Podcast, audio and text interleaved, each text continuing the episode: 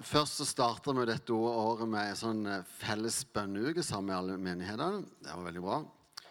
Og så, altså Ikke nå denne uka, men uka før der så var jeg først på en sånn nettverkssamling med masse andre pastorer. Og så hadde vi medarbeiderkonferanse i Nordmisjon. Eh, og så har jeg nå hatt ei uke på retreat borte i Sverige. Så egentlig lurte jeg litt på nå om det ble sånn som når Moses hadde vært på fjellet og prata med Gud. Så måtte jo han ha et sånn klede for at han strålte så veldig sånn. Men jeg kjente ikke helt at det var nødvendig, altså. men, men jeg har eh, Ja, altså alt dette er jo mye bønn, altså, men ei uke på retreat, er fint. Eh, Ja.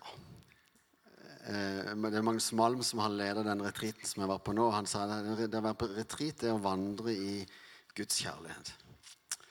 Og det er en god beskrivelse, og det er en god ting. Mm. Så kan anbefales. Mm. Jeg tror jeg må, jeg må bare nullstille meg litt med å be litt. Mm. Kjære Jesus, takk for at du er her. Og takk for at du elsker.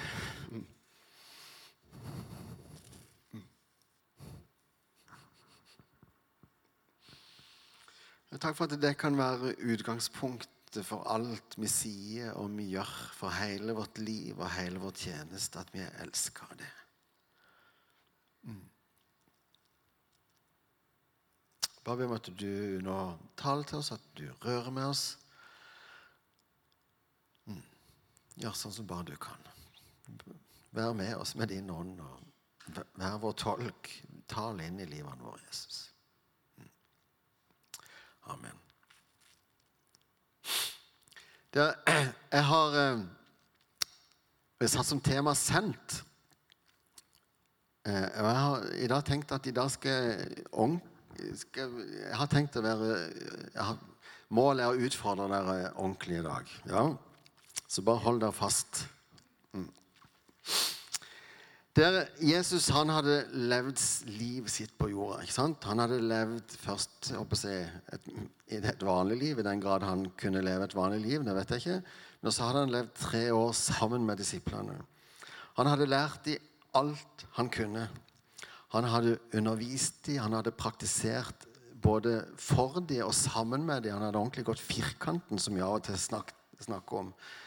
Han hadde på en måte liksom demonstrert hvordan de skal gjøre det, og så hadde han, gjort det samme med dem, og så hadde han sendt dem ut på egen hånd for at de skulle kunne praktisere. Og Han hadde liksom gjort alt han kunne fordi han visste at det livet hans på jorda det var midlertidig. Han hadde hele tida visst at han skulle dø på korset, og at han skulle stå opp igjen. Og når han hadde gjort det, så skulle han reise opp til himmelen og ikke være sammen med disiplene. Han hadde hele tida som mål at disiplene skulle kunne stå på egne bein.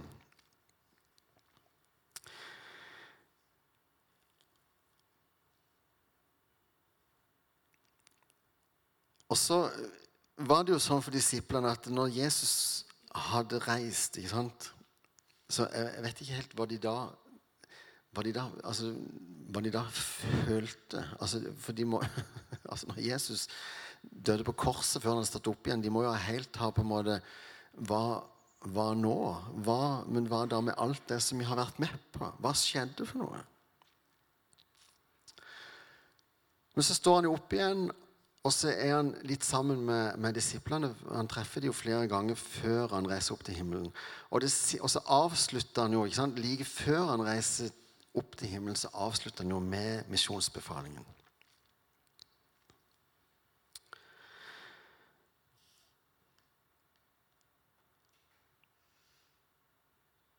Jeg ser for meg at uh, altså, altså, Hadde jeg vært en av Jesu disipler, så hadde jeg tror jeg hadde vært sånn passe gira uh, da når Jesus har stått opp igjen. For eksempel, de har fått vært med på alt ifra altså Jesus gjorde vann til vin. Ok, greit nok, det var jo kult. Men, men, men han hadde vekk, altså, gitt blinde synet tilbake igjen. Lammet hadde gå. Han hadde reist opp døde til liv igjen. Og og, som, og, på en måte alle tingene som de hadde vært med på. Og nå hadde de til og med Jesus som ble korsfesta. Han hadde stått opp fra de døde, døde ikke sant? Og, og var levende. Og han var jo Messias. Og, ikke sant? Altså, det, ingenting er jo umulig når de står der, da, tenker jeg. Ikke sant? Altså, hva er neste? hva skjer nå? Og jeg syns det er fascinerende hvordan disiplene da på en måte er så opphengt i hva de trodde at Messias skulle være. da, ikke sant? Men iallfall så spør jo disiplene nå da, at ja, men har tida nå kommet at du skal gjenreise Israel, riket for Israel? ikke sant? Har tida nå kommet at du skal sparke ut romerne av dette riket, og at vi kan bli et uh, selvstendig land igjen? Og at, ikke sant? Og så svarer uh, og så svarer Jesus Vi skal lese ifra Apostlenes gjerne 1, vers 7-8. Det er ikke dere gitt å kjenne tider og stunder som Far har bestemt av sin egen makt. Men dere skal få kraft når Den hellige ånd kommer over dere, og dere skal være mine vitner i Jerusalem og Judea. I Jerusalem og hele Judea, i Samaria og helt til jordens ende. Sånn at når Jesus har på en måte lært i alt han på en måte har tenkt han kan lære dem, så på en måte gir han stafettpinnen til, stafettpinnen til dem og sier ok, men nå er det deres oppgave å gi dette budskapet videre. Og jeg vet Vi har alle sammen hørt dette før. Vi kan det. ikke sant? Og det er denne, så er det den misjonsbefalingen fra Matteus 28. ikke sant? Meg er gitt all makt i himmel og på jord. Gå derfor ut. Vi, og, og, vi får til og kanskje dårlig samvittighet når vi hører det, fordi vi vet at vi burde vært flinkere på det. Men, men hvorfor er dette så viktig? Hvorfor skal vi igjen terpe på dette? Hvorfor skal jeg igjen snakke om dette som vi har snakket om så mange ganger før? Hadde det ikke vært mye enklere om vi bare kunne fokusere på oss som er her? Ikke sant? Kunne vi ikke gjort det beste ut av det for oss som er her? Det hadde jo vært mye enklere. Hvorfor skal vi prakke på noen noe som ikke de egentlig vil ha? Akkurat som en ivrig telefonselger som ikke tar et nei for et nei. Jeg kan ikke tenke meg noe verre enn telefonselgere som skal prakke på med et eller annet jeg ikke har bruk for. Og så er det jo blitt sånn i vårt samfunn i dag at det å komme og hevde at vi har sannhet, at vi har svaret det er, jo, det er jo som å banne i kirka. Altså, det er jo det er jo bare lov innenfor vitenskap og matematikk. Når det kommer til disse store, viktige livsspørsmålene, så er det som det å hevde at vi, vi har svaret, er jo helt Eh, ja, og det er litt som, som, Magnus Malm snakket om når jeg var borte i Sverige nå, at det å, altså, kristendom er i dag blitt for, som en som lever med stomi, altså har utlagt tarm og lever med en sånn pose på magen. ikke vel? Det er jo livsviktig for den som har det. Men en har jo panikk for at noen skal se det eller merke det. Aller helst skal ingen vite om det. ikke sant? Er religion blitt noe sånt for oss? Altså, kristen, Er Jesus blitt noe som vi på en måte ikke ønsker de andre skal legge merke til? Bare hold det for det. Jeg skjønner det er viktig for det, men, men jeg vil helst ikke vite noe om det. Er det samfunnet vårt i dag sier? Skal du provosere noen i dag, så er det jo å si at jeg, jeg har svaret. Jeg vet. Og så tror vi på en Gud som sier at 'jeg er sannheten'. Ikke sant? I Johannes 14, 6 så står det Jeg er veien, sannheten og livet. Ingen kommer til Faderen uten ved meg.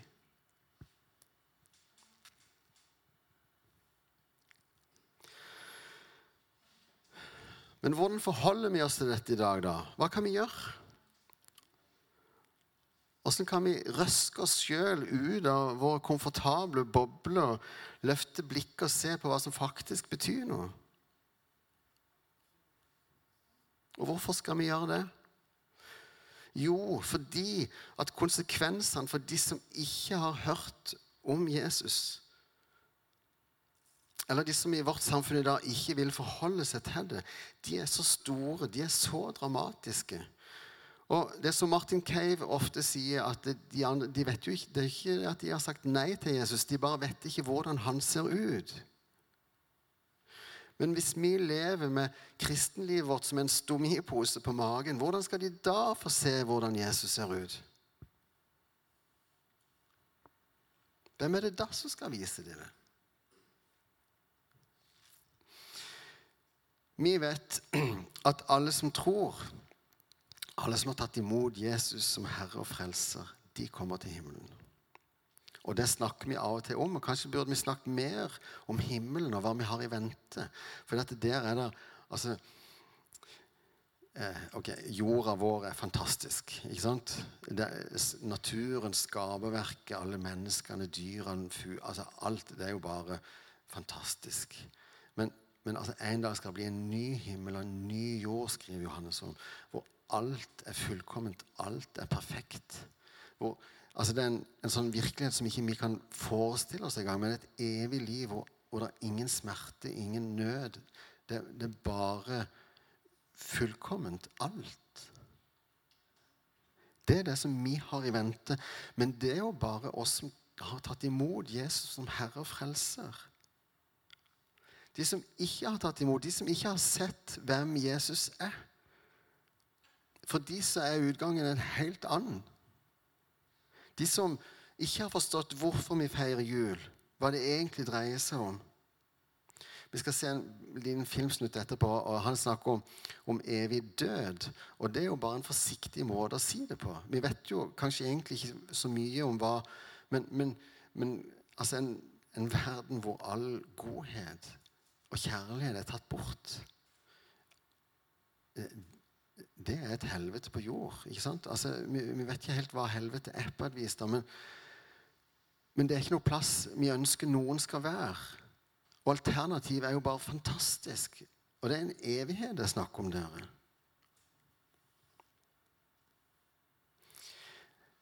Og dette er realiteter som vi tror på, ikke vel? Og så forholder vi oss litt til det på samme måte som når det er sultkatastrofe i Afrika. Vi, og det, var, det, er trist, det er vondt, og så sender vi kanskje noen hundrelapper. Og så skrur vi av TV-en fordi det er, det, er, så ubehagelig å forholde seg til. Jeg, jeg, kan på en måte ikke helt Jeg kan ikke helt uh, ta det inn, for det, det er så uvirkelig og vondt. Og så skrur vi av TV-en. har vi skrudd av TV-en òg, bare sånn i forhold til at, eh, at mennesket faktisk går fortapt. Og så tror vi at, at det løser seg sjøl på et eller annet vis. Orker vi på en måte ikke å forholde oss til, til det? Eller tenker vi at ja, det, vi sender jo misjonærer og evangelister, og det må de ta seg av? Er det, liksom, er det sånn vi tenker? Eller tenker du Men hva kan jeg gjøre?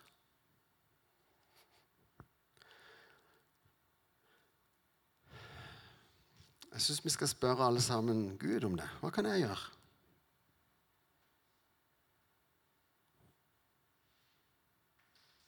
Han svarer oftere enn vi tror på sånne spørsmål.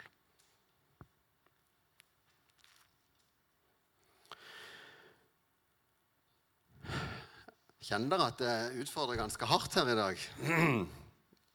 Håper det. Den andre grunnen til at jeg har lyst, som jeg har lyst til å trekke fram i dag, til at vi skal fortelle, det er at Gud elsker alle mennesker. Jeg håper du har forstått hvor høyt du er elska av Gud. Og så tror jeg på en måte vi, vi kan ikke forstå det. Altså, vi, vi kan tenke at vi elsker barna våre eller ektefellen vår eller en ektefelle Ikke fellene, det blir jo ektefellen vår. Eller foreldrene våre. Eller altså at vi på en måte elsker de høyt som det, som det helt tatt er mulig. ikke sant? Eh, men den kjærligheten er ingenting mot den kjærligheten som Gud har for oss. Tenk dere Gud som er allmektig, han som er hellig, han som sitter på den høyeste trone.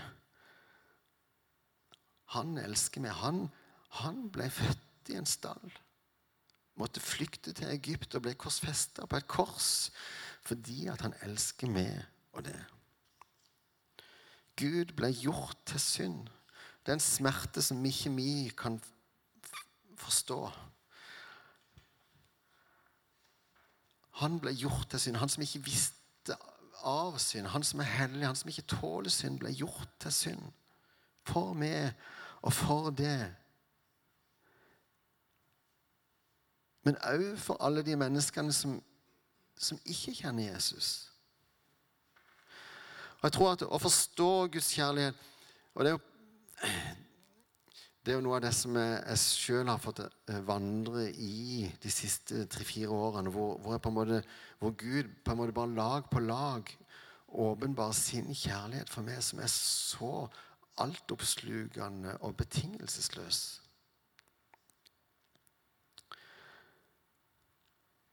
Jeg holder på å lese boka en Brennan Manning for tida. Han skriver det riktignok om Guds hellighet. Eh, som, ikke vi med, med, våre menneskelige begrensninger har forutsetninger til å forstå. egentlig. Og på samme måte er med Guds kjærlighet det, det, Vi er begrensa til våre, sant, våre menneskelige følelser og bilder og erfaringer. Men Gud, han er Gud. Det, det blir litt som å, å, prøve å fange en orkan med en liten fiskehov. Eller som å komme til Niagarafossen med en kaffekopp og tro at du skal på en måte kunne fange fossen i den der koppen. Det er et, det er et håpløst prosjekt. ikke sant? Vi får bare en, en liten smakebit av det.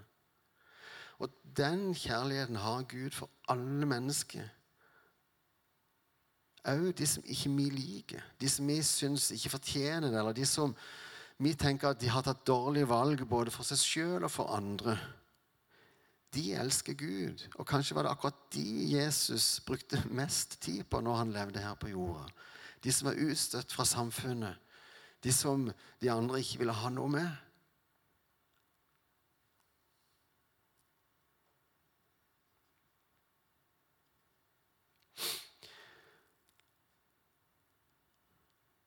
Gud har gitt oss et oppdrag fordi at han elsker. Og så har vi forskjellige utrustninger. Vi har forskjellige gaver. Noen har evangelistens nådegave og bruker enhver anledning til å fortelle og oppsøke anledninger for å fortelle. Mens andre har ikke den gaven, men vi har andre gaver. ikke vel? Men vi har òg et ansvar å fortelle. Kanskje skal ikke du gå på gata og evangelisere eller gå og ringe på dørene. Eller, men, men, Gud har Hva med, med, familien din? Hva med vennene dine? Hva med naboene eller kollegaene dine? Foreldrene til ungene i klassen? Eller på fotballtrening eller barnehagen, eller hvem det er? Hvem er det Gud har sendt i din vei? Hvem i din hverdag er det som du har en vei inn til, hvor nettopp du har muligheten til å være et vitne? Hvem er det du har mulighet til å vise Guds godhet til? Fortelle om hva Jesus betyr for det, hva han har gjort i ditt liv.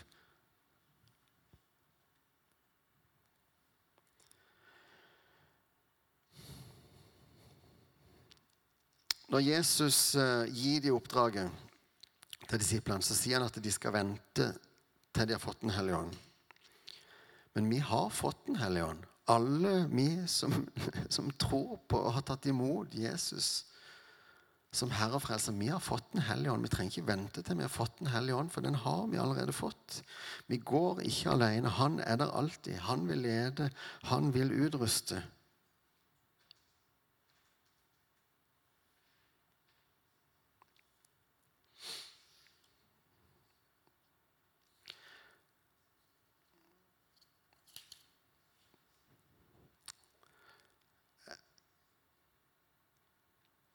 Med vilje så eh, ønsker jeg å være ubehagelig. Jeg håper dere er nesten litt sånn irriterte på meg nå og tenker at det var da voldsomt så ivrig han pastoren var blitt. Eh, men jeg, jeg, tror at vi trenger å utruste. Altfor ofte så er vi altfor forsiktige. Altfor forsiktige. Og på en måte og redd for å støte. ikke sant? Og vi er redd for å, og så havner vi fort i ei grøfte hvor det handler om å gjøre, og så er det ikke det det handler om. Fordi at kristenlivet vårt handler jo først og fremst om å leve som Jesu barn og Jesu etterfølgere. Det handler ikke om å brette opp ermene og gå på med, med frist mot og på en måte som Yes, go for it. Du går kanskje ikke på ditt eget mot engang. Du går kanskje på pastorens eller evangelistens eller hvem det er for noe. Og det er klart at det da blir det et kortvarig tjeneste eller dårlig resultat. Og Det var jo derfor også disiplene skulle vente til de hadde fått Den hellige ånd, for at de skulle gå i åndens kraft.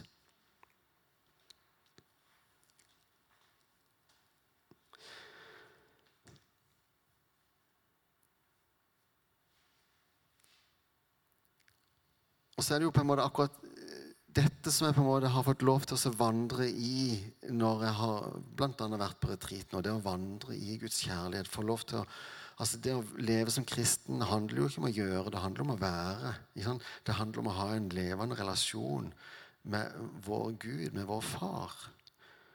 Der han får tale inn i våre liv, der han får lov til å prege oss.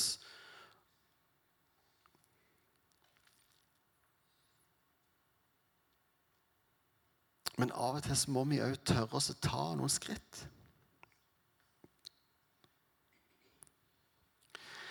Når Jesus kaller disiplene når han møter Peter og Simon Peter og Andreas nede på stranda der og kaller dem, eh, så sier han Nei, det var ikke Jeg hadde visst ikke slag på det. Men så sier han at 'følg meg, og jeg skal gjøre dere til menneskefiskere'.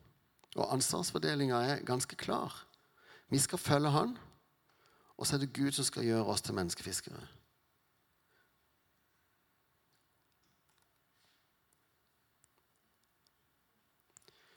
Men av og til så må vi tørre oss å ta det der skrittet ut av vår komfortsone. Av og til så trenger vi det der sparket bak som jeg prøver å gi dere nå.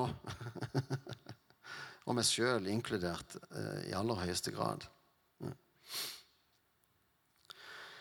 Vet ikke om, jeg regner med mange av dere tenker at det er viktig at barna deres lærer å svømme. At de lærer å bli trygge i vannet.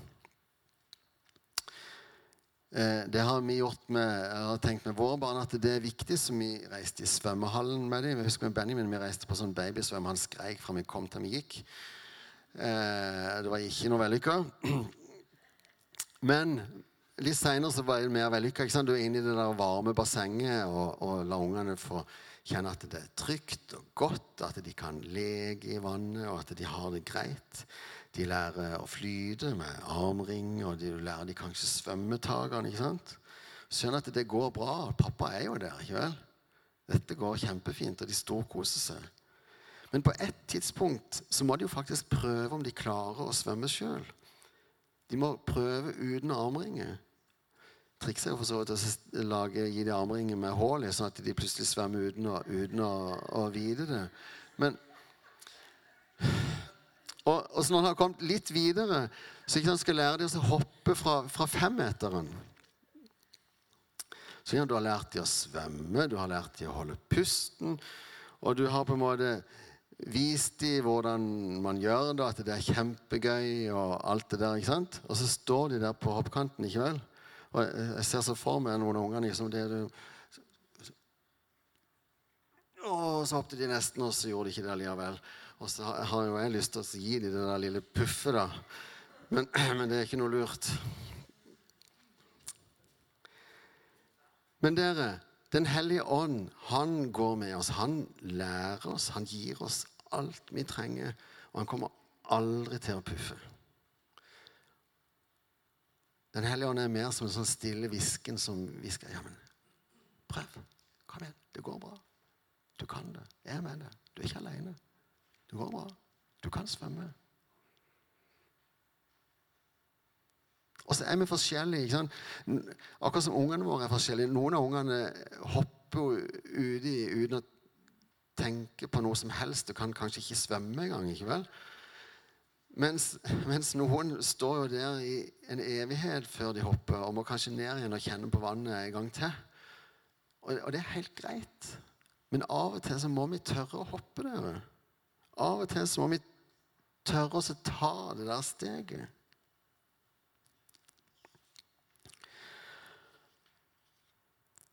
Og så blir vi stående i et sånt spenn der. ikke sant? På, og, og, dette syns jeg er litt vanskelig, for jeg har så lyst til å på en måte utfordre oss alle på en måte at ja, men vi må gå. ikke sant? Vi, for vi har fått et oppdrag, og det er kjempeviktig. Og så handler det om, handler om det å være Jesu barn handler jo om å være. Det handler jo ikke om å gå i hele tatt. ikke vel? Så vi må på en måte ha en sånn balanse i dette her på at, at det er jo ikke noe Frelsen, altså Min frelse ligger jo ikke i å fortelle andre om Jesus. ikke vel? Jeg er frelst fordi jeg er jo Guds barn, og jeg har tatt imot. Og, og det er uansett om jeg forteller det til andre. Men vi har, vi har verdens beste nyhet. Med evigvarende konsekvenser. Og vi har en kjærlig Gud som, som vil oss kun det beste. Og det fins egentlig ingen argumenter for at vi skal på en måte holde det skjult, at ikke vi skal fortelle.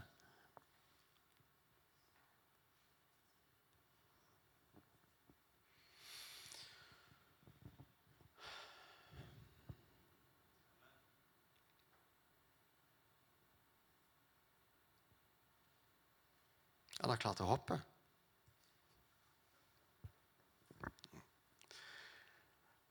Eh, vi ber, tror jeg. Kjære Jesus, takk for at du elsker. Mm. Takk for at du omslutter oss med en uh, evig kjærlighet som vi ikke aner rekkevidden av. Takk for at du ropte et uforbeholdent ja til oss når du skapte oss. Du ropte et uforbeholdent ja til oss når du hang på korset. Og du roper et uforbeholdent ja til hver enkelt av oss hver dag i vår vandring sammen med det. Og takk for at vi kan gå med frimodighet sammen med det. At vi kan leve våre liv sammen med det. Og at vi med frimodighet kan være med og peke på det. At de andre kan få se hvem du er. Både de som vi omgås med til daglig, om det er på jobb eller ta Vis oss, Jesus, hvem det er du tenker at vi har en nøkkel inn til, som vi på en måte har, som du har sender oss til.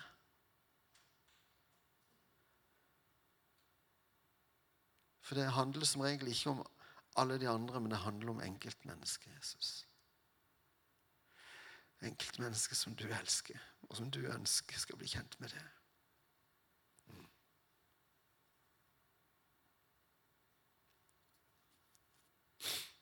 Hjelp oss, Jesus, til å både hvile i at du har gjort alt, men til å ha frimodighet til å gå på ditt ord, Jesus.